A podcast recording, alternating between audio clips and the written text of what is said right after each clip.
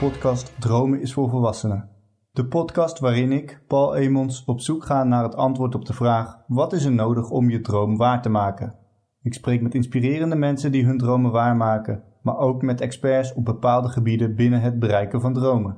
Vandaag heb ik Marco Martens te gast. Als taalkunstenaar heeft Marco in eerste instantie onder de naam Macronism zijn eerste stappen gezet. Met onder andere het album Alternaïef uit 2007 toonde hij zich aan het grotere publiek. In de jaren daarna heeft hij verschillende albums uitgebracht, waarvan het album Vera zijn laatste wapenfeit is. Daarnaast is deze duizendpoot op het gebied van taal een van de leden van de Cabaret Show. Heeft hij een podcast waarin hij onder andere ADHD bespreekt en in gesprek gaat met andere kunstenaars. Nadat hij een aantal jaar aan de Herman Brood Academie heeft lesgegeven, besloot hij om deze zomer volledig voor zichzelf aan de slag te gaan. Dit besluit kwam voor de coronapandemie. Marco, welkom bij de podcast. Je deed en doet superveel verschillende dingen. Wat heeft gemaakt dat je hebt besloten om uiteindelijk voor jezelf aan de slag te gaan? Zo, ja. Ik, word er altijd een beetje duizelig van als ik het zo op een rijtje hoor. Maar dan lijkt het heel veel. Maar voor mij is het, is het allemaal gewoon, uh, gewoon één ding. En uh, dat doe ik al heel lang. 20 jaar al. En uh, ik heb daar een tijdje van geleefd. Daarna toch een baan erbij genomen. Hè, voor de zekerheid. Mm -hmm. en uiteindelijk... Uh, dat was leuk, het onderwijs. Maar het kostte ook heel veel denkruimte. Het eiste veel van mijn, uh, van mijn werkgeheugen op. En zeker omdat, uh, wat ik tof vind aan het onderwijs, is dat je gewoon één op één met studenten toffe dingen doet. Maar als je dan een contract krijgt in het onderwijs, ben je in één keer uh, 30% van je tijd één op één toffe dingen aan het doen. 30% examens aan het afnemen waarvan je je afvraagt of dat zo zinvol is. En uh, allerlei andere taken die erbij komen kijken, omdat een school nou eenmaal moet waarborgen hè, en, en, en, en uh, bewijslast moet aanleveren op dat wat je belooft te doen, dat je dat ook doet. Ja. En dat is voor mij een hele stroperige route naar uh, je doel. En toen ben ik eigenlijk door middel van coaching ook, want ik had wat overspanningsklachten, ben ik met een coach in gesprek gegaan. Daar kwam een ADD-diagnose uit, maar dat vind ik dan, uh, als ik daar nu op terugkijk, helemaal niet zo interessant. Eigenlijk het meest waardevolle aan dat gesprek vond ik uh, ja, dat, dat ik eens naar die, eh, naar die verhoudingen ben gaan kijken in mijn werk en hoe dat dan in elkaar stak. En uh, wat mij drijft in het, of dreef in het onderwijs was één op één met de studenten aan de slag zijn. Ze, mijn studenten wilden iets, iets doen wat ze tof vonden en ik kon ze daarbij helpen. En uh, dat, dat, dat, dat dan was op communicatiegebied, soms op het gebied van ondernemerschap.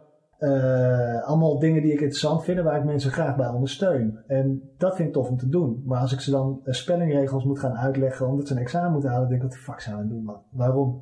Ja. en uh, daar kreeg ik geen energie van. En eigenlijk heb ik uh, in het coachingstraject geleerd te kijken of te herkennen waar ik dan energie van krijg. En dat is het, hè? Dat, dat bezig zijn met die, met die uh, andere mensen, mensen vooruit helpen, vind ik te gek. Maar als dat binnen die formele kaders moet, is het opeens helemaal niet meer zo te gek.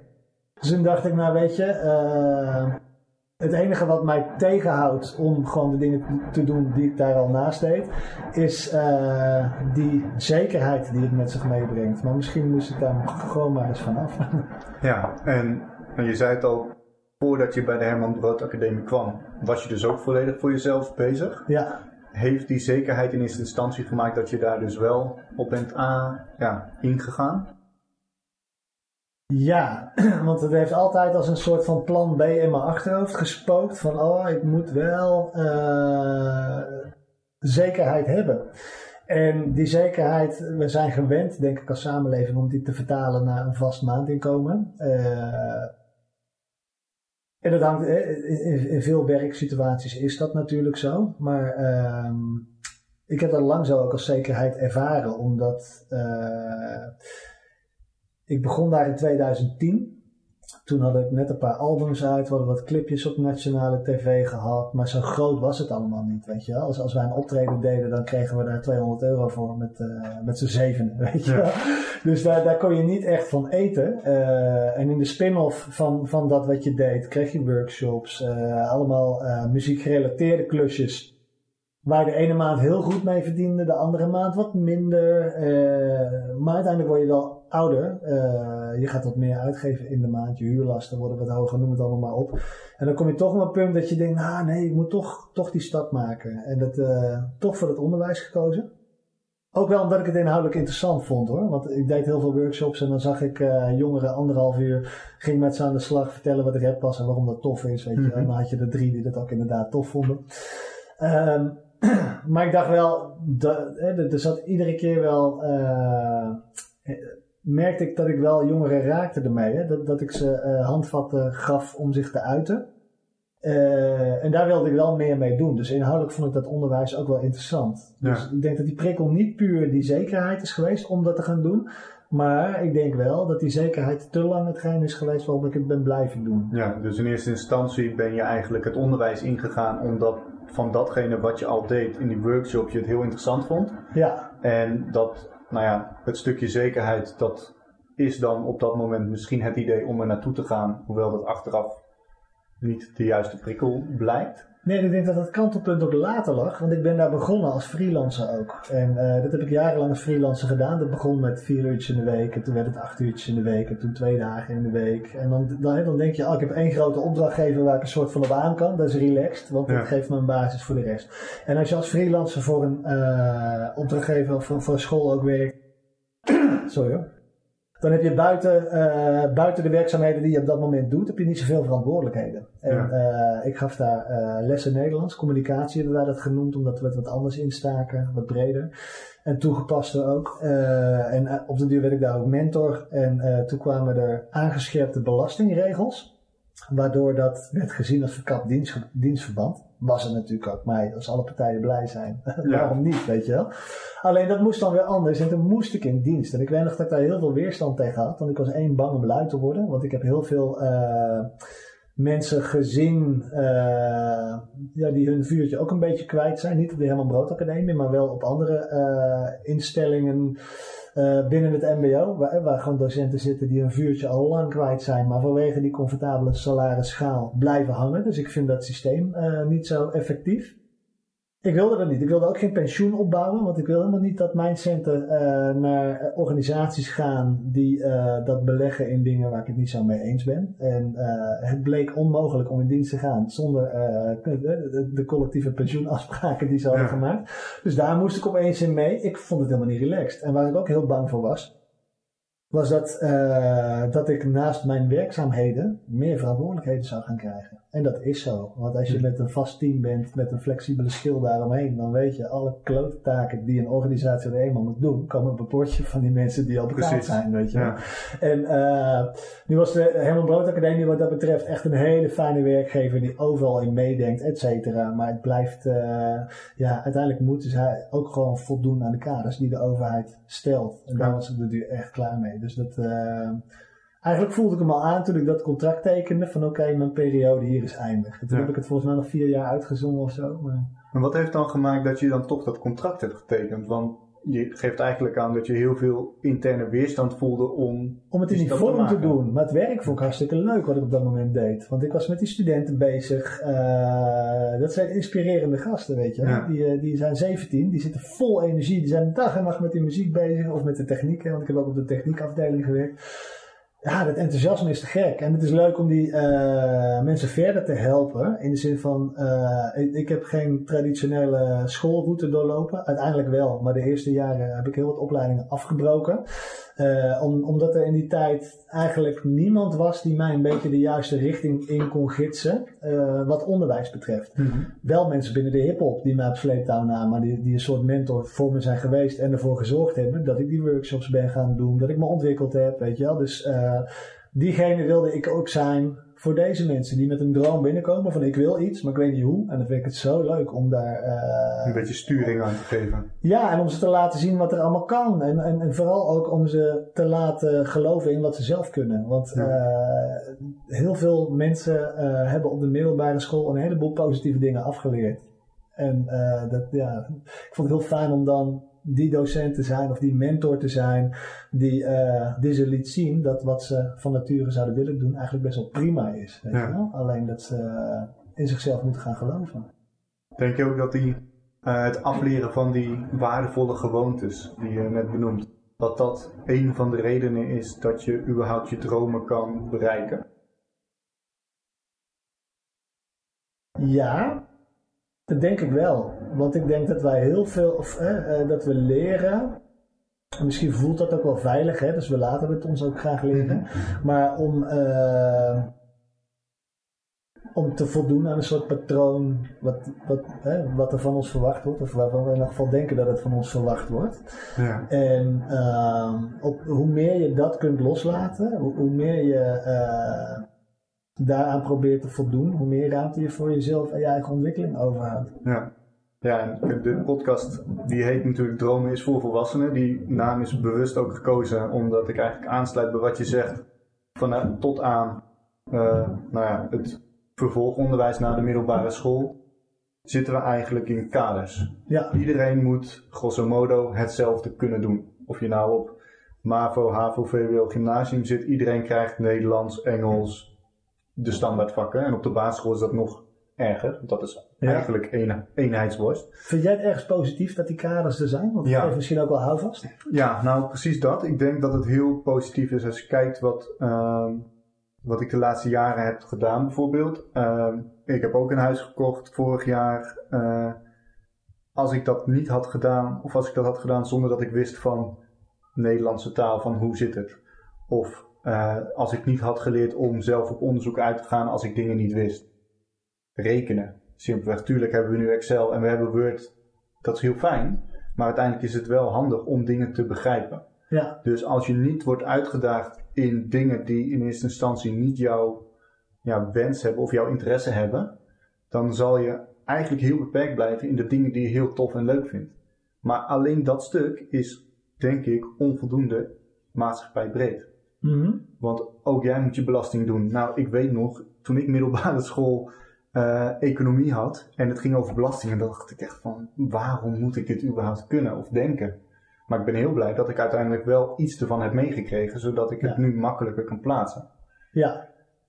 Maar de vraag is. En welke hoeveel, vorm bied je het aan? En hoeveel procent? Ja. Want ik zou zelf het heel tof hebben gevonden als ik ergens 20% ruimte had gehad om zelf in te vullen. Mm Alleen in die tijd dat je daarvoor moet kiezen, ben je 15, 16 jaar oud. Dat, ja.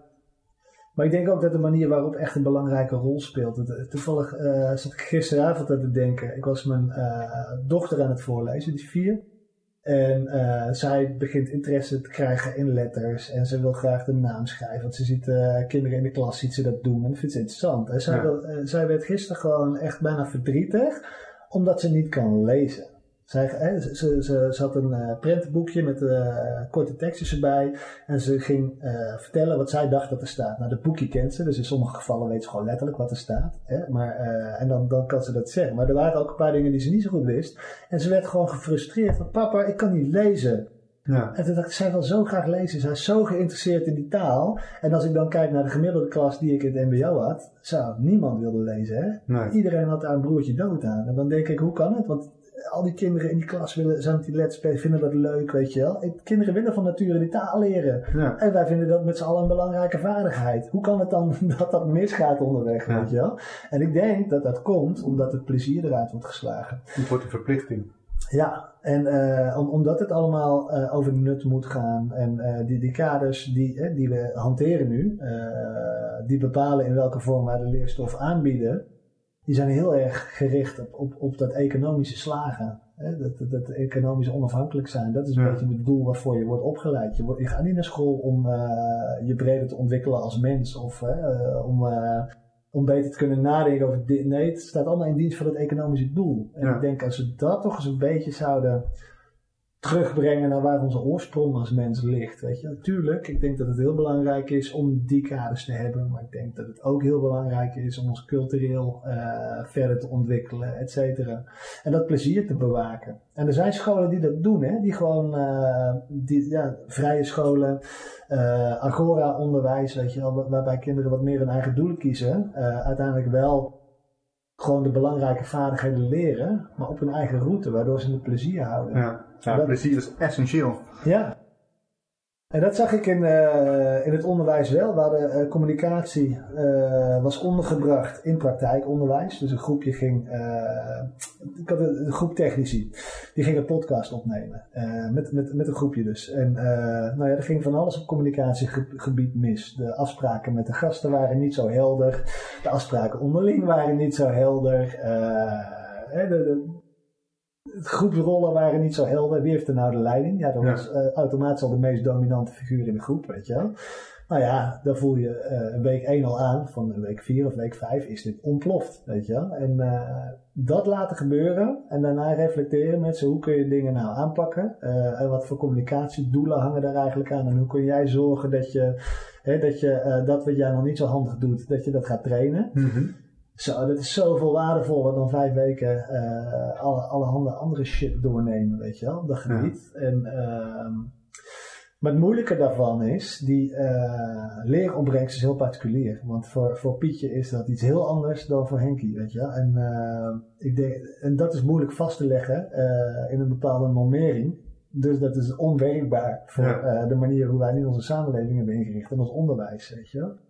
Oh man, man, man. Een beetje meer vrijheid. Zo, ja, nou, zo fijn hè? We hadden het net over de kaders, zeg maar. In het voorbeeld van je dochter met het lezen. En dat het plezier uit het lezen gaat. En toen moest ik meteen denken aan uh, het vak Nederlands op de middelbare school. Dat je verplicht tien boeken moest lezen. Ja. Waarbij je dus verplicht, in mijn geval moest je iets van de laatste tien jaar lezen. Uh, maar ook uit de jaren dertig bijvoorbeeld. Of daarvoor nog. En dan heb ik het over ja, de tijd van de Eerste Wereldoorlog. Ja. We moesten verplicht een toneelstuk lezen. Allemaal dingen dat ik nu achteraf denk, ja, daar had ik niet echt het plezier in. Ik heb uh, een van de boeken, dat was Kaas.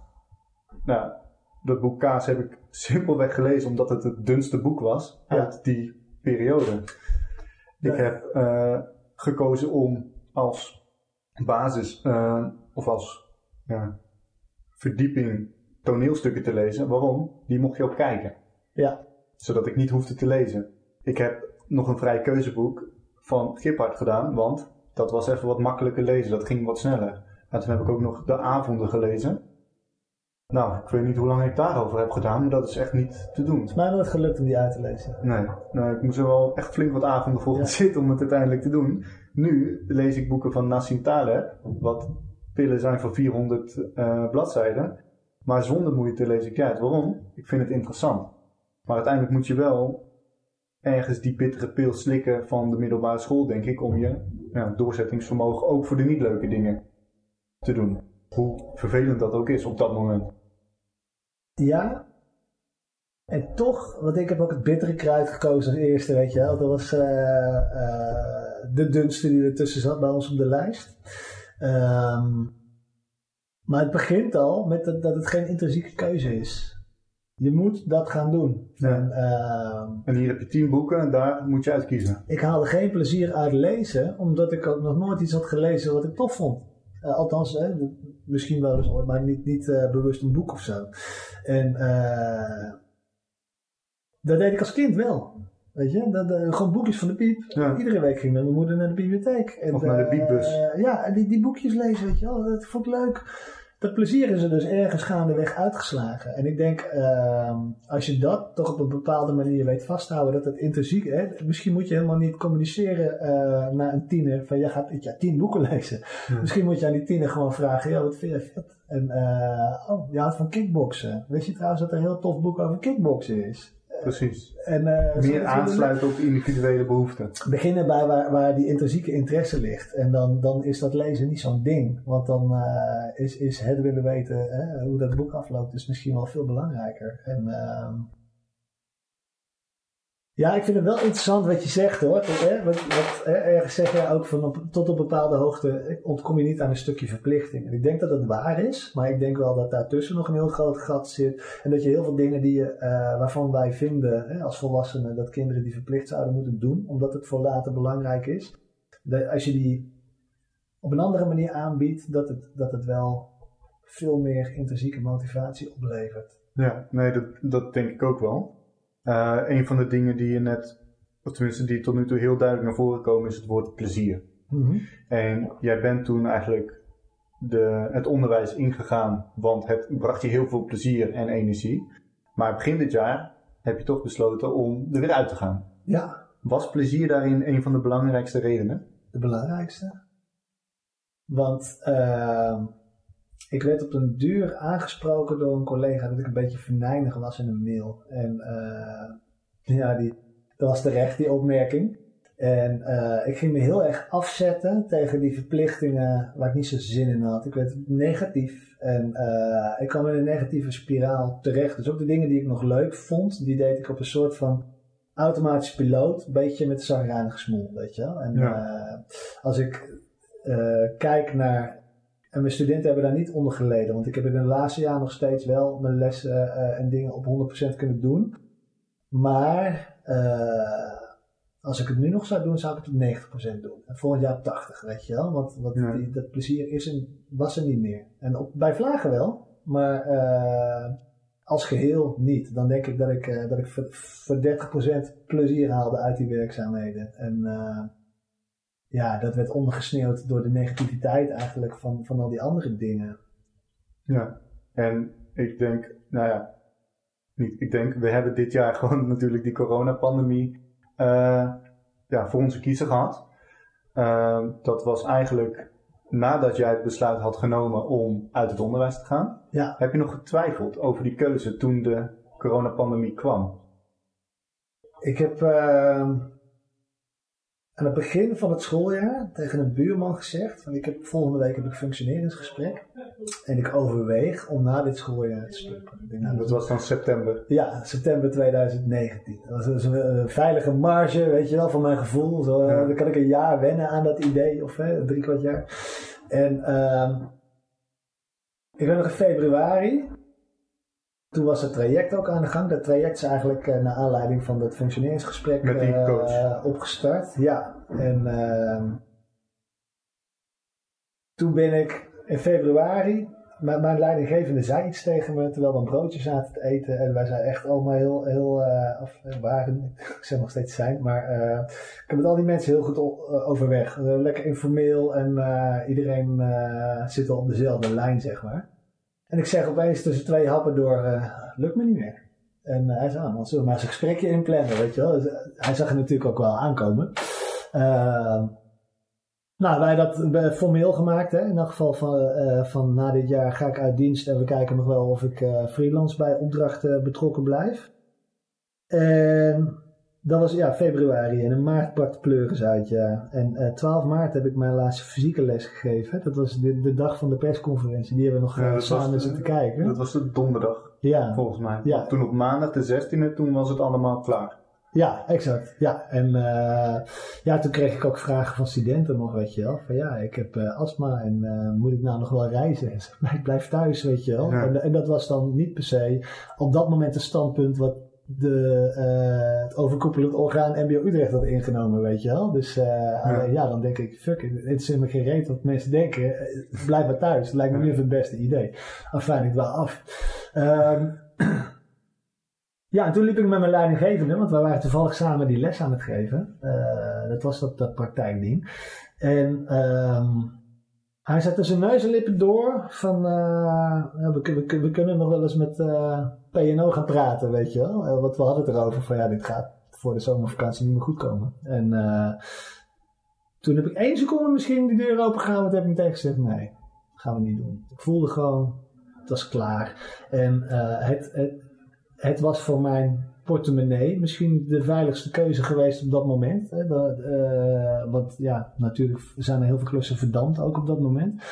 Maar uh, ik wilde mijn portemonnee niet meer leidend laten zijn. Mijn coach die had een super flauwe quote. Die komt in mijn volgende voorstelling ook terug. Maar uh, een vogel vertrouwt niet op het takje, maar op zijn vleugels. En toen dacht ik ook, ja, ik moet gewoon verder, weet je wel. En we zien ja. wel hoe, interesseert me niet hoe. Maar dat ik hier niet meer wil zijn in deze rol is in elk geval duidelijk. Ja, en dat is natuurlijk hartstikke fijn. Ja, maar wel, wel eng. ik vond het wel spannend. Ja, maar omdat het eng is en het is wel eentje die, een van keuze die je vanuit je gevoel maakt, ja. kan je er wel voor gaan. In plaats van dat je eh, ja, gedwongen wordt eigenlijk om een keuze En die te is essentieel, hè? want ik heb heel veel keuzes met het hoofd gemaakt. En die, die hebben tot die overspanningsklachten geleid. En ik denk dat wij heel erg leren om keuzes met ons hoofd te maken. En eh, dat wij juist een beetje dat gevoel zijn kwijtgeraakt. Want dat heb ik tijdens die coaching sessies ook moeten leren. Hè? Wat voel je Ja. nu in je onderbuik als je hierover nadenkt? Huh? Geen idee. Nee. nee, we willen eigenlijk op het moment dat iemand wat tegen ons zegt, willen we meteen reageren. Ja. In plaats van de boodschap even te laten landen voordat we reageren. Ja, En ik denk ook in het bereiken van je dromen is dat essentieel dat je je gut feeling eigenlijk volgt in plaats van dat je maar denkt, oh dit is het beste wat ik kan doen ja. daarin. Ehm, als je kijkt hè, naar wat je allemaal doet, want dat is, nou ik heb een klein beetje onderzoek gedaan, het is heel veel. Ehm, lijkt het me lastig om een stip op die horizon te zetten van waar je nu uiteindelijk naartoe wil. Heb jij een idee waar je uiteindelijk naartoe wil? Wat jouw ultieme droom is? Terwijl ondertussen de brandweer denk ik Ja, voorbij dat, komt. eh, ik weet niet wat hier gebeurt, maar wij zitten nog veilig in. Ja, ik heb de eh, stip aan de horizon, daar heb ik vaak over nagedacht. Van, hè, eh, er werd mij heel vaak eh, geadviseerd ook, hè, om, om, om maar ook eh, wat mijn eh, carrière als kunstenaar betreft, of als artiest betreft, eh, eh, te ontwikkelen. Dat ik een stip aan de horizon moest zetten en, en daar naartoe werken. Nou, dat heb ik afgelopen jaar voor het eerst gedaan. Toen kwam COVID, waren al die plannen weer eh, naar de kloten, zeg maar. Eh, maar ik, ik denk ehm, dat ik geleerd heb dat die stip niet aan de horizon moet liggen. Maar dat, dat die stip juist die intrinsieke eh, drijfveer is. Want als ik mezelf nu doelen zou gaan stellen. eh, ik sta steeds meer in het theater, eh, steeds meer in, in poppodia. Het is een hele natuurlijke ontwikkeling, omdat ik eh, de vorm van mijn werk, die, die, die komt eigenlijk voort uit wat ik intrinsiek wil doen. Want als ik die theaterzaal zo snel mogelijk vol zou willen hebben, zou ik een hele, hele, een heleboel aanpassingen moeten doorvoeren aan de vorm die ik op dit moment aan mijn theaterwerk heb. Maar dat wil ik niet. Ik wil gewoon dit doen. En wat ik daar dan mee kan, zien we dan wel. En eh, door op die intrinsieke drijfveer te blijven, merk ik, ik ga zo een beetje van golf naar golf. Eh, heel langzaam kom ik stapjes verder. Alleen eh, volgens mij is dat verder zijn helemaal niet mijn doel. Volgens mij is het gewoon mijn doel dat ik iedere dag eh, aan het doen ben wat ik leuk vind. Ja. En ja, de cabaret show is een voorbeeld, weet je wel. Dat, dat eh, doen we nu tien jaar. Dat vond ik in het begin super tof.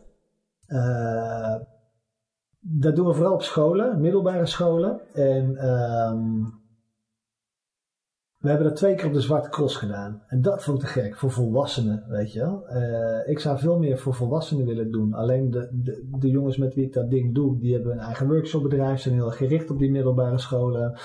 Eh, dus dat is nou eenmaal waar dat ding het meeste terecht komt. Ja. Ja, Want voor de luisteraars, wat is de Cabaret Show? de cabaret is, is een eh, freestyle voorstelling eigenlijk. Eh, twee rappers, een presentator en een DJ. En we hebben verschillende rondes waarin gefreestyled wordt. Dus het ene, de ene ronde is een wie wat waar. Eh, het publiek geeft een wie, een wat en een waar en vertellen een verhaaltje over.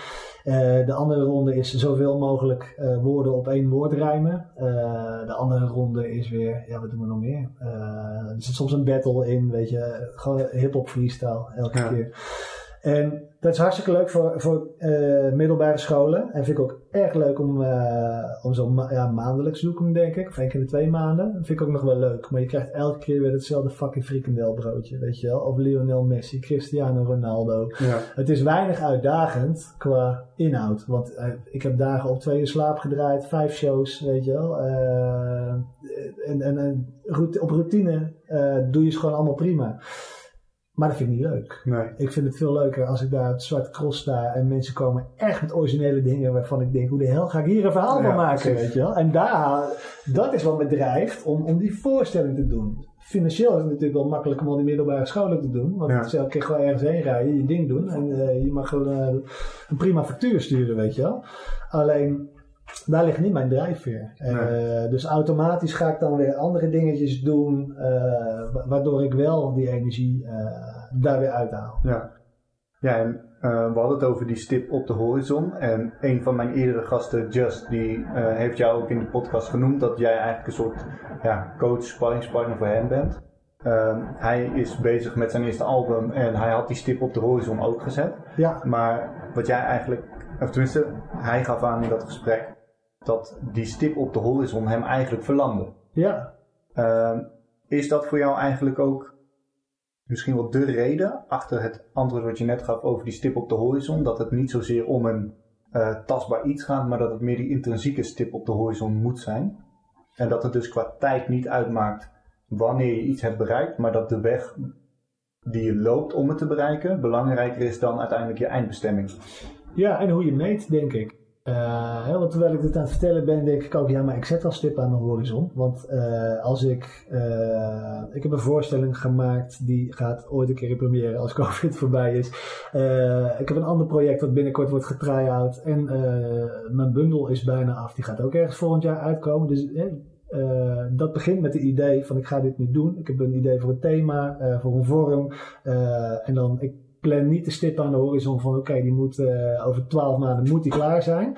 Maar die heb ik wel in mijn achterhoofd, dat eindresultaat op het moment dat ik aan het schrijven ben. En eh, als ik een idee heb van tekst, dan, dan maak ik wel de afweging van goh, eh, dat zou mooi bij die voorstelling passen. Of het zou juist in die bundel passen. Of dit moet ik misschien wel even los van alles trekken. Dus in die zin hè, zi- zijn er wel een soort van vaag geformuleerde doelen. Maar eh, door, hè, op het moment dat, dan, dat dat concreet wordt, komt er een hoop vervelend werk bij kijken ook. Want een release party organiseren, eh, promo doen, vind ik allemaal verschrikkelijk, weet je wel. Het hoort Ja. erbij, het is noodzakelijk kwaad om te kunnen doen wat ik graag doe. Maar het, het meest blij word ik eh, als ik gewoon lekker aan het schrijven ben. En eh, ik kan daar vaak wel een deadline voor gebruiken. Want eh, ik heb ergens ook heel erg aangeleerd van eh, het moet allemaal nut hebben wat ik doe, weet je wel. Dus eh, ik kan niet zomaar in de wilde weg gaan schrijven. Probeer ik mezelf vaker de tijd voor te geven. Maar dat vind ik moeilijk. Maar het is, hè, hoe meet je wat, wat dan succes is? En Ja. ik ben gewend om dan te meten, nou, als die bundel dadelijk uit is en hij wordt goed ontvangen en er worden er eh, meer dan drie van verkocht, dan, dan, dan heb ik succes gehad, weet je wel. Dan heb je al drie pijlers eigenlijk. Ja, maar die zijn wel allemaal heel resultaatgericht. En eh, als ik dan ga kijken naar hoe blij werd ik toen ik het eerste gedicht schreef voor deze bundel. Eh, hoe blij werd ik toen ik enige samenhang in de stukken begon te zien. En hoe blij werd ik toen ik daar weer een idee bij kreeg waar Ja. ik verder ben gaan borduren. Alleen, eh, eh, je wordt, daar word je niet op afgerekend. Want er is niemand die aan het eind van de dag tegen je zegt, dat heb je goed gedaan. hoor." Wat fijn dat je die Of, eh, hebt. Ja, dus dat, dat eigenlijk dat, voor je, dat moet je voor jezelf doen, weet je wel, dat meten. En, en, en, en wat heeft me blij gemaakt vandaag, weet je wel. En ik denk als je, als je, heeft iets me blij gemaakt vandaag. Als je dat vaak genoeg denk ik kan beantwoorden met ja, dan, dan heb je succes of zo. Ja. ja, de vraag is ook inderdaad van waar zit je succes tegenaf? Wat is de definitie van succes? Ja.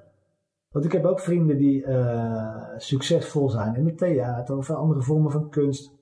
En eh, avond na avond ergens naartoe rijden om op te treden. Eh, dat was een vorm die ik tien jaar geleden ook voor me zag als succes. Ja. Ik moet er nu niet aan denken, man. Ik heb gewoon een gezinsleven, weet je Ja. wel. Ik wil graag optreden, maar niet eh, vier, vijf keer per week, weet je wel. Ik vind, Ja. zo af en toe vind ik het ook leuk. Want als, als ik het iedere dag moet doen, ga ik het saai vinden, weet je Ja, wel. en dan kom je weer in die routine van die cabaretshow op de middelbare scholen. Ja. Het frikandelbroodje. Ja, en dat, ja, je moet daar voor jezelf wel een beetje voor waken. En, dus ik denk dat dat, eh, die stip waar we het over hadden, volgens mij, dit probeer ik vast te houden. Dat ik het gewoon leuk vind. En eh, op het moment dat iets gaat vervelen, dan vind ik wel weer iets anders. Wat niet Ja. wil zeggen dat altijd alleen maar leuk is, hè? want er zitten ook gewoon saaie kanten. Maar goed. Ja, maar daarvoor heb je geleerd vroeger op school dat je ook de niet leuke dingen kan Ja, afronden. Natuurlijk.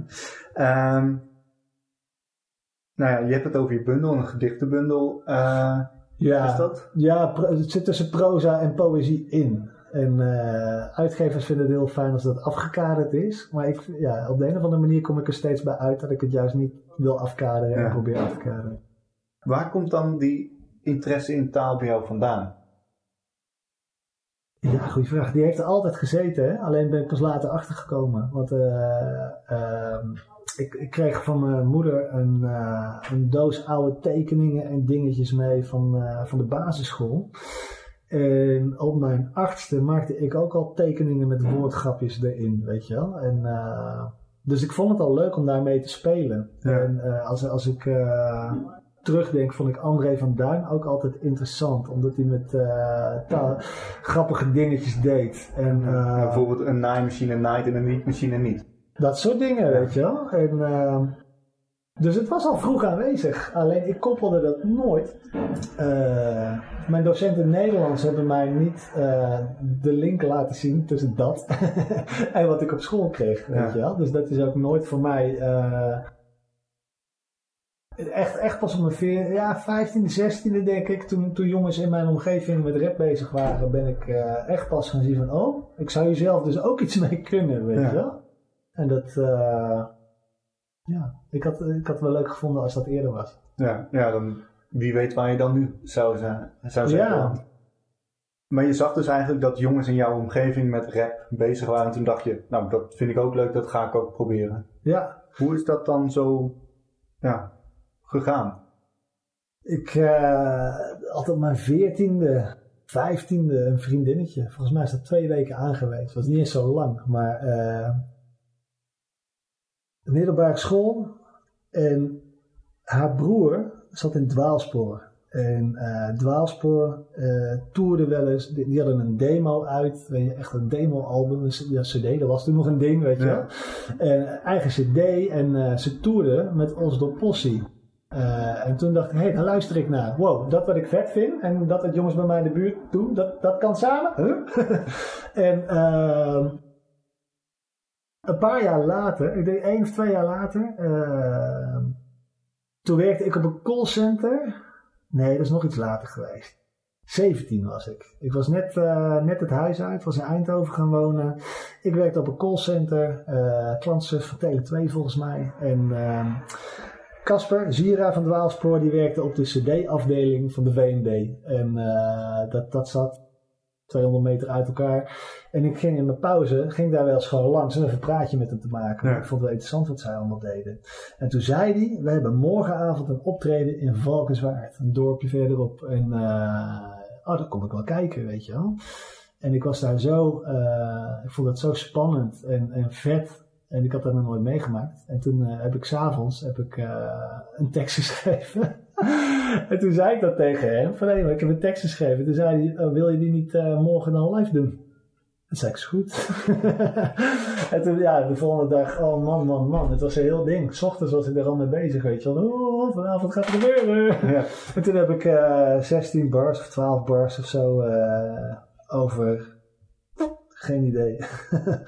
Over de underground waarschijnlijk. En hoe tof ik dat vond. Uh, ja. ja. daar live gedaan. En ik weet nog, ik vergat mijn tekst halverwege. Twee bars wachten. Eh, en de rest, weet je wel. en dat, uh, ja, toen kwam die andere jongen van de Welspoor, Stefan. Die kwam naar me toe van, hey, zal ik een paar beats maken? Gaan we een demo maken, weet je wel? Zo, ja, vet. Ja. en drie maanden later denk ik dat we in de studio stonden. met, met de eerste zes liedjes. Ja, en dat is eigenlijk wel mooi dat je dus de kansen die je worden geboden Terwijl je dat waarschijnlijk toen totaal niet zag als een mogelijkheid of een kans en waar het naartoe zou gaan. Dat je, ondanks dat je dus niet wist wat het je zou kunnen leveren, heb je wel alles gewoon gedaan op basis van: dit vind ik leuk. Ja, dat is het enige wat me interesseerde. Ja. Dat, uh, en het was ook voor het eerst het gevoel, want ik weet nog dat ik uh, een, een, half jaar of drie maanden eerder met mijn moeder door. Uh, de open dag van de HAO liep. Ik, had, uh, ik deed het niet zo goed op de HAVO. Echt nul motivatie ook. Uh, en uh, met de hak over de sloot haalde ik dat. En ik had voor economie een 7. Dat was niet zo'n moeilijk examen. En voor de rest van de vakken 6 en dan 1, 5 nog ergens voor. En toen zei mijn moeder, waarom ga je niet met... Ze wist het ook niet, hè, wat ze met, met me aan moesten. En ja, ga dan iets met economie doen, weet je wel. Ja. Kun je goed in verdienen. Nou, wij, wij naar de open dag van de HAO en ik liep daar zo rond. Allemaal wel, weet je wel. Best, ga ik dit op doen. Bedrijfskundige informatica. Ingeschreven. En uh, ja, daar heb ik drie weken gezeten tot een docent zei van ja, dit, dit vak is de kern van, van dit beroep. Als je dit niet interessant vindt, dan zit je hier niet goed. Nee. Boek dichtgeklapt, ja, doei, weet je wel. En um, toen eigenlijk dat rapding op mijn pad kwam, dat was voor het eerst dat ik, dat, dat ik ook iets vond waar ik mijn ei in kwijt kon. Wat ik leuk vond om te doen. Weet je wel? Van een beetje hangen en een beetje muziek luisteren en, uh, een beetje aankloten eigenlijk. Ja, wat we misschien wel allemaal doen in onze middelbare schooltijd. Ja. Als je allemaal ja. terugkijkt. Uh, misschien deels door dat corset van het schoolonderwijs. Ja, Maar misschien deels ook omdat het heel lastig is. In ieder geval, toen had je nog niet zoveel internet of wat dan ook, een callcenter. Ja. Ja, ik, ik weet niet wanneer de laatste keer is dat ik een callcenter heb gehoord, zeg maar. Los van diegene in eh, India waar ze je wereldwijd, zeg maar, bellen. Ja, Eh, cd's wat je net benoemde, ja, dat was toen ik in de middelbare school, of op de middelbare school zat, was dat de manier om in aanraking te komen met muziek. Mhm. Je had geen Spotify. Terwijl nu, je doet je laptop open of je telefoon, Spotify hebt en je bent klaar. Ja. Ehm nou ben ik even kwijt waar ik heen wilde met dit verhaal. Ehm, want we hadden het over de kansen pakken Ja, daarin. En toen merkte je van, hé, hey, die, die muziek en dat rap, dat is zeg maar een van de dingen, daar word ik enthousiast van. Hoe is dat toen verder ontwikkeld, zeg maar, voor jou? Want je merkte toen je was gestopt met eh, die eh, opleiding op de HAO. ja. En toen voelde je iets van, oh, dit, dit is iets, daar, ja, daar wil ik verder in. We waren iedere dag bezig en eh, je, je komt een beetje in die community terecht. Ehm, veel jonge gasten ook. Ik had een eigen kamertje, dus we hingen veel bij mij. Eh jointjes roken, hip-hop luisteren, tracks maken zelf met eh, een, een, een, een, een staande lamp waar we dan zo'n microfoon van een tientje aan vast hadden getaped. Een panty sock eroverheen, weet je wel. Het ouderwetse plokfilter. ja, tracks maken man. En eh, shit doen, optreden. En eh, wij, wij konden bij Dynamo eh, destijds terecht om te repeteren. Daar zaten we binnen no time in een soort jongerenwerkachtige tour, weet je wel. Gingen we heel het land af en dan mochten we overal optreden. En dat was wat we wilden doen. En dat vond ik vet. En ik had geen idee waar me dat ging brengen, maar ik voelde dat het goed zat, zeg maar. Ja. Maar tegelijkertijd, ouders vonden dat maar een beetje ingewikkeld. Ehm, ik woonde niet thuis, dus daar zat, zat al wat meer afstand tussen. Maar je voelt wel, hè, van, eh, nou ja, die maakte zich wel zorgen. En eh, nou ja, toen ben ik op een nacht ook een beetje domme dingen met de spuitbus gaan doen. toen heb ik ook een eh, taakstrafje bij, ik was nog net 17, dus ik zat goed zeg maar. Maar ja, toen ben ik bij half terechtgekomen. En je ziet, ja, we deden maar wat, weet je wel. En ja, Ja. mijn ouders hadden wel zoiets van, oh jee, gaat dit wel goed? En ehm, dus je voelt ook van, ja, misschien moet ik dan toch maar iets met een opleiding gaan doen. Ik heb journalistiek geprobeerd. Oh ja, toen deed ik een beroepskeuzetest nog, na, na die economieopleiding. En daar kwam uit onderwijs, theater en journalistiek. Toen dacht ik, onderwijs? Theater? Hou op man. en eh, toen ben ik de journalistiek gaan doen. En ja, daar zat dan ook weer, ik was heel gevoelig voor die eh, opmerkingen ook. Maar daar zat dan ook weer ergens een docent die zei, een echte journalist, die is blij als hij om vier uur s'nachts eh wakker wordt gebeld voor een primeur. Toen dacht ik, fuck, dan ben ik geen echte journalist. Want Ik ik, wil wil, slapen. gewoon- ik wil over muziek schrijven en verder zal het wel met de journalistiek, weet je wel. Dus daar ben ik toen ook weer gestopt. En ja, uiteindelijk de opleiding na opleiding geprobeerd. Toen ben ik CMV gaan doen, culturele en maatschappelijke vorming. Om dan maar iets met jongerenwerk te gaan doen. Want daar kon ik nog op een bepaalde manier hip-hop met, eh, met een opleiding combineren. Ja. Maar ja, ik vond de dingen waar, waarin ik lekker met hip-hop aan de slag kon heel leuk. Maar ik vond de dingen waar, eh, die gewoon moesten niet zo leuk. Dus dat was ook eh, geen kansrijke sessie. Dus uiteindelijk heb ik echt een torenhoge studieschuld opgebouwd. En in de tussentijd wel gewoon muziek maken, muziek maken, muziek maken. En ja, toen kwamen die workshops eigenlijk op mijn pad. Dus toen kon ik ook... eh, ik heb nog een paar jaar een kunstenaarsuitkering gehad in die tijd. eh, waar ik periodes mee heb kunnen overbruggen. Dus zo heb ik wel gewoon lekker kunnen blijven werken. Eh, en toen die workshops kwamen, werd het ook wel, kon ik daar gewoon inkomen uithalen. En eh, dat was, dat was dus wel een soort omslagpunt. Ja, later ben ik dan wel de lerarenopleiding eh, gaan doen. Die heb ik afgemaakt, deeltijd. Maar ook, pff, dat was wel een bevalling hoor. Ja. Want, eh, ik denk dat ik eh, 20% interessant en relevant van vond van die opleiding. en het was ook nog eens, ik werkte in het tweede jaar al op, op de Herman Brood Academie, in het tweede jaar van mijn opleiding. En ik Ja. wist al, MBO is mijn plek, want ik had een stage gedaan op een middelbare school. Dat vond ik vreselijk, weet je. Het is gewoon niet, niet mijn plek. Eh, omdat die kaders daar eh, Zo vaststaan. ja, ja, en we hebben misschien ook niet de goede school gehad, dat weet ik niet. Maar dat, hè, die kaders in combinatie met dat waar die jongeren in hun ontwikkeling zijn, dat werkte voor mij gewoon voor gemeten. Dus eh, ik dacht, laat maar hangen. Maar ik, kreeg wel 80% eh, dingen die eigenlijk toegespitst waren op de middelbare school. En dat, eh, ja, dat was ook een, een leidensweg. Maar goed, die, die, die muziek of, of die creatieve ja, carrière is een groot woord, maar dat creatieve pad heeft me wel eh, gered hoor, in die Ja. tijd. Dat is wel de enige constante geweest die me ook, eh, ja, die me wel heeft geholpen. Ja, en ehm, nou goed, op dit moment, hè, je bent, hebt onder andere dus ook je eigen podcast. Ja, En ehm, nou ja, daar een van de rode draden in jouw leven, naast de liefde voor taal en de creativiteit, je zei het net al dat je toen eh, een ADD-traject inging. Of was het ADD, ADHD? ja ADD, een soort vorm van ADHD. Ja, Bij mij is het eh, de vorm dat het in het kopje eh, nooit stil is, maar Mhm. fysiek ben ik niet heel druk. Nee. En, dat is ook de reden als we er achteraf over terugdenken. eh want ik ben in een eh, gemengde HAVO-VWO-klas begonnen. En toen zei men ook, ja, als hij gewoon een beetje zijn best doet, dan kan hij dat VWO wel aan. Maar daar Ja. had ik geen zin in. Dus doe maar mijn HAVO dan, weet je wel. En eh, dat heb ik uiteindelijk met de hak over stoot gehaald.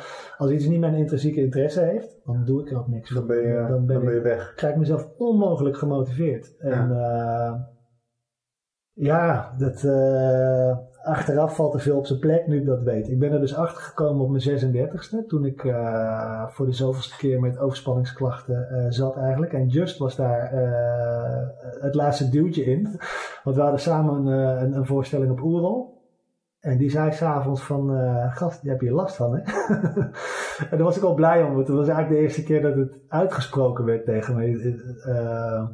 Ik werd een beetje vervelend gewoon, een beetje druk, Mhm. want er waren zoveel... Ik was als artiest daar, maar ik deed tegelijkertijd ook nog de productie. Eh, ik voelde me voor zoveel dingen verantwoordelijk, ik was alles naar me toe aan het trekken. En eh, ja, ik werd helemaal gek. En iedereen werd gek van mij, weet je. Ja, je moest heel veel ballen hoog houden eigenlijk. Ja, en dat, dat leidde tot een eh, bijna paniekaanval. Ik begon sterretjes te zien tijdens een voorstelling. En die, die voorstelling heb ik wel afgemaakt. Maar ja, ik moest me echt een beetje overeind houden aan de microfoonstandaard. En die jongens hadden niks gemerkt, behalve dat ik er wat minder in zat. dus dat, dat was wel fijn. Maar daarna ben ik gaan slapen achter de tent. Daarna de rest van de voorstellingen afgespeeld. Ja, en toen s'avonds zei Just ook van, eh, ja, misschien moet je hier wat mee, weet Ja. je wel. Toen ging ik naar de huisarts en dat leidde tot een traject bij de psycholoog. En eh, eh, uiteindelijk de diagnose ADD, waarvan ik ook nu, twee jaar later, denk van ja, goh, ik weet niet hoe het zit met die diagnoses. Want ehm, dan kom je eigenlijk weer op dat intrinsieke. Eh, er zijn zoveel mensen eh, die werken zoals ik. En sommige daarvan hebben een diagnose, sommige niet. Sommige herkennen ze in de symptomen die dan aan de diagnose vasthangen. Maar eh, in diezelfde hoek heb je hoogbegaafdheid, creatieve begaafdheid, eh, sommige vormen van autisme. En eh, er is een hoogleraar ge- geweest die ook gezegd heeft, Paul Verhagen was het geloof ik, van ADHD is eigenlijk het bewijs dat wij als samenleving niet met afwijkend gedrag kunnen omgaan. En dus ja, officieel heb ik een stoornis, maar dat ervaar ik zo helemaal niet, Nee. weet je wel. En ja, goh, mijn manier van doen en denken is nog wel eens lastig eh, te combineren met de samenleving zoals die is ingericht. En bij ADHD Nederland, dat is dan een, eh, eh, een instelling waar ik me wel in kan vinden in, in de gedachten die zij hanteren. ADHD is niet iets wat gefixt hoeft te worden. En dat was de eerste instellingen die me werden aangeraden uiteindelijk door de psycholoog en de huisarts. Allemaal instellingen, psychiaters die me onder de medicatie wilden duwen. Terwijl ik denk van, nee, ik wil helemaal niet anders gaan functioneren. Ik wil gewoon dat ik minder last heb van mijn vorm van functioneren. En uiteindelijk kwam daar eh, ook uit het coachingstraject eigenlijk naar voren. Eh, de, de, de handigste metafoor om dat uit te leggen is eh, ADHD'ers hè, en, en, en de mensen die een beetje op die manier denken, die eh, zijn, eh, de hersenen zijn bedraad eh, met, met, met Sony-bedrading, terwijl de samenleving is ingericht op Philips-bedrading. En wij zijn met Philips-handleiding opgevoed, want dat is nou eenmaal voor iedereen zo, weet je. Ja. En dat geeft stress. En als ik ga kijken, dat wat ik doe, hè, door- door, door de kenmerken van, van mijn ADD, dit, dat heeft er juist voor gezorgd dat ik mijn leven zo heb ingericht zoals ik het nu heb ingericht. En eh, dat waar ik frictie heb gehad de afgelopen jaren, dat was waar ik heel erg probeerde vast te houden aan die andere bedrading, aan die andere Ja. handleiding, weet je wel. Die zekerheid. Ja, want iedereen zegt dat het goed voor me is, dus ik zal het Ja. maar doen, weet je wel. En juist nu ik dat heb losgelaten, merk ik dus dat het op die andere manier ook prima werkt. Ja, Alleen, ik moet wel zelf die verantwoordelijkheid nemen om, eh, ja, om dat te blijven zien en om daarna te blijven handelen. ja. Ja, wat je eigenlijk, tenminste de quote die je net zei van een vogel vertrouwt niet op de tak, maar op zijn vleugels. Dat komt hier denk ik heel goed naar voren. Van, Ja, eh, we hebben te maken met heel veel takken en bomen waar we aan- op kunnen gaan zitten. Maar je moet zelf kiezen met je eigen vleugels welke tak voor jou de passende tak is. ja, ja. En ehm, daarnaast, kijk, eh, ik heb heel veel docenten gezien ook die, die op een hele fijne, dikke, veilige tak zitten, weet je wel. Maar die eh, niet per se, en dat geldt trouwens niet alleen voor docenten, ik denk dat het in meer eh, gebieden aan de hand is. Ehm, die niet per se energie krijgen van wat ze nog doen, weet je Mhm. wel. Maar juist om, omwille van die tak blijven zitten. Terwijl, eh, ik denk als je dan durft om te gaan vliegen, dan ga je die, vleugel, die vleugels ga je vanzelf helpen. Ja, Want je kunt wat je kunt, je doet wat je doet, weet je. Dat, eh, en die, die skills die ik heb ingezet voor het onderwijs, die ik eigenlijk heb verhuurd aan mijn eh, werkgever op dat moment, als ik die voor mezelf inzet, komen er ook mooie dingen uit. ja, Maar dan moet je wel op durven vertrouwen. ja, ja, het gaat echt om het stukje ontwikkelen van je skills, om het zo Ja. te zeggen. Om uiteindelijk daar te kunnen komen waar je hoopt te komen of wil komen. Ja, Want zonder die intrinsieke motivatie kom je er niet. En een van de andere dingen die je net zei ook ten aanzien van die huisartsen en eh, psychologen, maar ook al eerder vanuit je eh, ja, omgeving.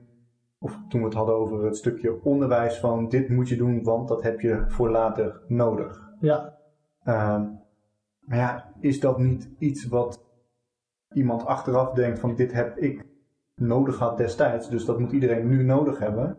Terwijl als wij dit gesprek vorig jaar zouden hebben, dan was de hele coronapandemie, die hadden we niet. Dus als we het hadden over thuiswerken, ja, iedereen vond het een last. Want Mhm. dan konden we niet controleren of iemand het goed deed of wat dan ook. Ze zeggen nu toch dat leerlingen achterstanden oplopen. Daar geloof ik niet in. Ten opzichte van de norm die we met z'n allen gesteld hebben, weet je, lopen ze een achterstand op. Maar ik denk dat leerlingen heel veel leren in deze periode. En eh, die achterstand, de sociale contacten wel, dat vind ik een probleem als het lang stil ligt, weet je wel, voor, voor jeugd. Maar, eh, Niet alleen voor de jeugd. Nee, ja, fair enough, ja. Maar eh, gewoon die hele leerachterstand, ja, daar geloof ik niet in, man. Nee. Dat, eh, la- laat die krampachtige norm dan toch eens los. En, en ga die jongeren vragen wat ze geleerd hebben in deze periode. Over het leven, over de wereld, over zichzelf, weet je wel. Ik denk dat ze met hele toffe antwoorden gaan komen. Maar die vragen worden niet gesteld. Nee, want die vragen die passen niet bij, ja, wat je zegt, de norm. Ja, En dat is op zich wel een mooie, ja, een mooie vraag om over na te denken. Van in hoeverre zouden bijvoorbeeld de dromen van de jongeren het afgelopen jaar veranderd zijn? ja. En sowieso, waarom wordt er nooit aan jongeren gevraagd dat ze... Ja, wat wil je worden, weet je wel? Ja. Eh, maar En dat moet altijd een beroep zijn. Ja, en het, het is. ehm, ik denk dat we vaker de vraag moeten stellen aan jongeren wat, eh, wat, wat ze tof wat ze interesseert. Ja. Ja, dat is een, eh, dat is een goede vraag. Ik ben benieuwd wat mijn luisteraars überhaupt zouden zeggen van wat interesseert je? Ja, Want tegenwoordig, je ziet bijvoorbeeld ook social media. Heel veel mensen die plaatsen zeg maar bijvoorbeeld reisfoto's of wat dan ook. Ja, ik wil ook heel graag reizen. Ik wil ook hele toffe dingen zien en ervaren. Mhm. Maar het is niet zo dat als ik zie dat iemand op een heel mooi strand is geweest, dat ik per se naar dat hele mooie strand moet. Want dan is het niet van mij. ja, Ik wil gewoon, de, laatst was ik met mijn vriendin eh, in de herfstvakantie, we waren in het bos aan het lopen. Super toffe foto's gemaakt van paddenstoelen van 2 centimeter groot. Niemand, behalve mijn vriendin en ik, waren bij dat moment. Mhm. Maar dat is een dierbaarder moment dan dat ik tig foto's heb van een tof strand waar Jan en Alleman is geweest. ja. Dan is het niet meer uniek eigenlijk. Mhm. En dan is niet die intrinsieke, dat intrinsieke succes is er niet. ja. En dat is op zich een, eh, ja, is wel grappig om te kijken van wat jongeren dan belangrijk vinden. En wat ze willen, vooral. Ja, en, en ze, ze leren. ehm, als je kijkt naar. Ik, vind- ik vind die, die digitale wereld nog wel eens ingewikkeld, omdat ik niet zo goed kan inschatten wat dat op lange termijn met mensen doet. Mhm. Maar ehm, jongeren willen heel erg eh, achter die rolmodellen aan. Dat merkte ik op de Herman Brood Academie ook. Daar werd er een eh, jong gastje getekend bij Topnotch als producer. En dan eh, dacht iedereen, hmm, dus als ik zulke beats een beetje ga maken, dan ik heb ik ook kans op succes, weet je wel. Ja. Terwijl ik dan juist graag het gesprek met ze aanging. Nee, wacht even, weet je, waarom maak jij beats en wat vind jij tof? En Mhm. uh, ik ben aan de ene kant, hè, uh, als, je, als je heel erg naar de, ja, de inhoudsloze influencers kijkt, die gewoon uh, alles verkopen wat, waarvan ze betaald krijgen, ja, dan is dat geen goede ontwikkeling. Maar aan de andere kant, uh, ik interview uh, voor e-moves veel jonge uh, makers ook, jonge rappers, jonge producers.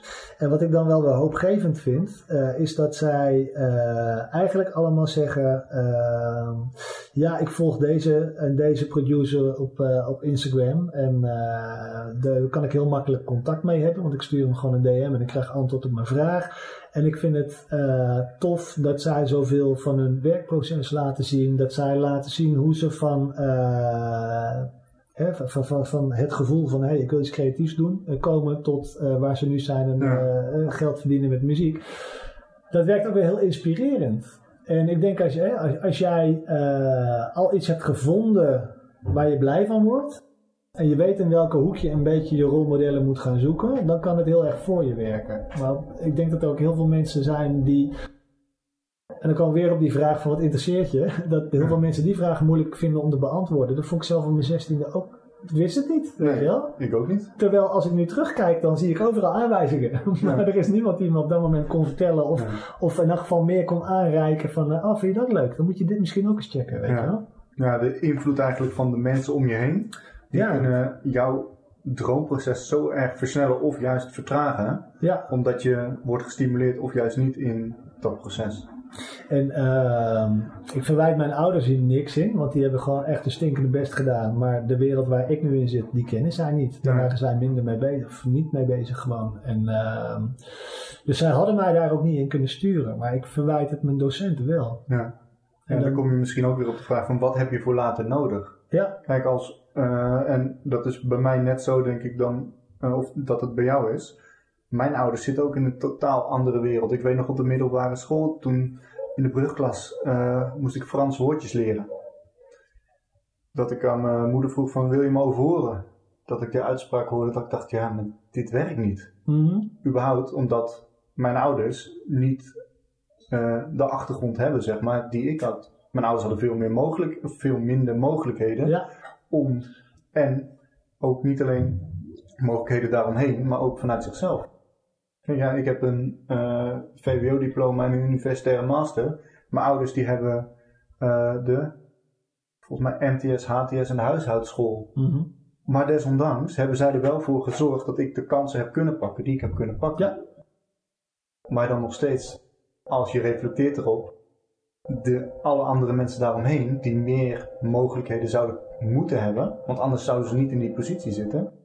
Ja, daar hoop je dan wel van dat ze jou dat aanreiken waarmee je zelf verder kan. En niet dat het, zoals bijvoorbeeld bij jou, jarenlang duurt voordat je uiteindelijk dat gevonden hebt wat je wil doen. Ik denk dat mijn docenten Nederlands het goed hebben gedaan in de zin van eh, ze hebben mij begeleid naar een 6 op mijn eindexamen. dus dat, dat was, eh, en dat is voor, dat is het doel. Wat, je bent verplicht dat te doen eh, als je een contract hebt eh, bij een onderwijsinstelling. Ja. Dan is dat je primaire doel. Alleen ik denk dat we dat eh, zouden moeten veranderen of op zijn minst verbreden. Want ik denk dat de eerste vraag gewoon moet zijn, of hè, de eerste verantwoordelijkheid van een docent is dat hij eh, kinderen leert. Want zijn echt nog, het zijn niet eens jongeren, het zijn kinderen, weet je, op de middelbare school. Ja. Eh, leert eh, waar een, of leert te luisteren of te ontdekken waar een intrinsieke drijfveer ligt. Want ik denk als je die drijfveer scherp hebt, dan ben je gemotiveerd om al die eh, vaardigheden te ontwikkelen die je nodig hebt om daar te Ja. komen. En natuurlijk, er zijn voor heel veel verschillende intrinsieke drijfveren. Er zijn wel algemene vaardigheden. Le- lezen is in ieder ding handig, weet je wel. Maar dat, als je dat intrinsieke aanboort, joh, dan komt dat vanzelf. Ja. Alleen dan moet er misschien wel van die normering af zoals die, als, als die er nu ligt. ja, want niemand die wordt blij van de avonden Nee. om te lezen. Tenminste, ik ga hem niet nog een keer lezen. Nee. ik zou hem ook niet aanraden om En ik, ik, überhaupt ik, te gaan ken het literair historisch belang van het werk, maar ik Ja. vond het geen eh plezant eh leeservaring. Nee, zeker, zeker niet op de middelbare school. Ehm, voordat ik naar de laatste vraag ga. Waar kunnen de mensen jou online vinden? Mijn website, marcomartens.nl, daar zijn alle projecten uh, gebundeld. En uh, op Instagram, uh, dat is marcomartens.nl geloof ik ook. Want Marco Martens was al bezet. Was al bezet. ja, daar komt ook alles, alles wel voorbij. Okay. Nou, ik wil in ieder geval bedanken voor de tijd. Ik zat even te kijken op de tijd net, maar nou, we tikken het uur aan. Oh, nice. Dat gaat hartstikke snel. Uh, laatste vraag. Stel dat jij Marco van de basisschool spreekt. Welk advies wil je hem meegeven? Luister naar jezelf. Ja, vind ik een hartstikke mooie, mooie boodschap. Dankjewel. Jij ook bedankt voor de uitnodiging.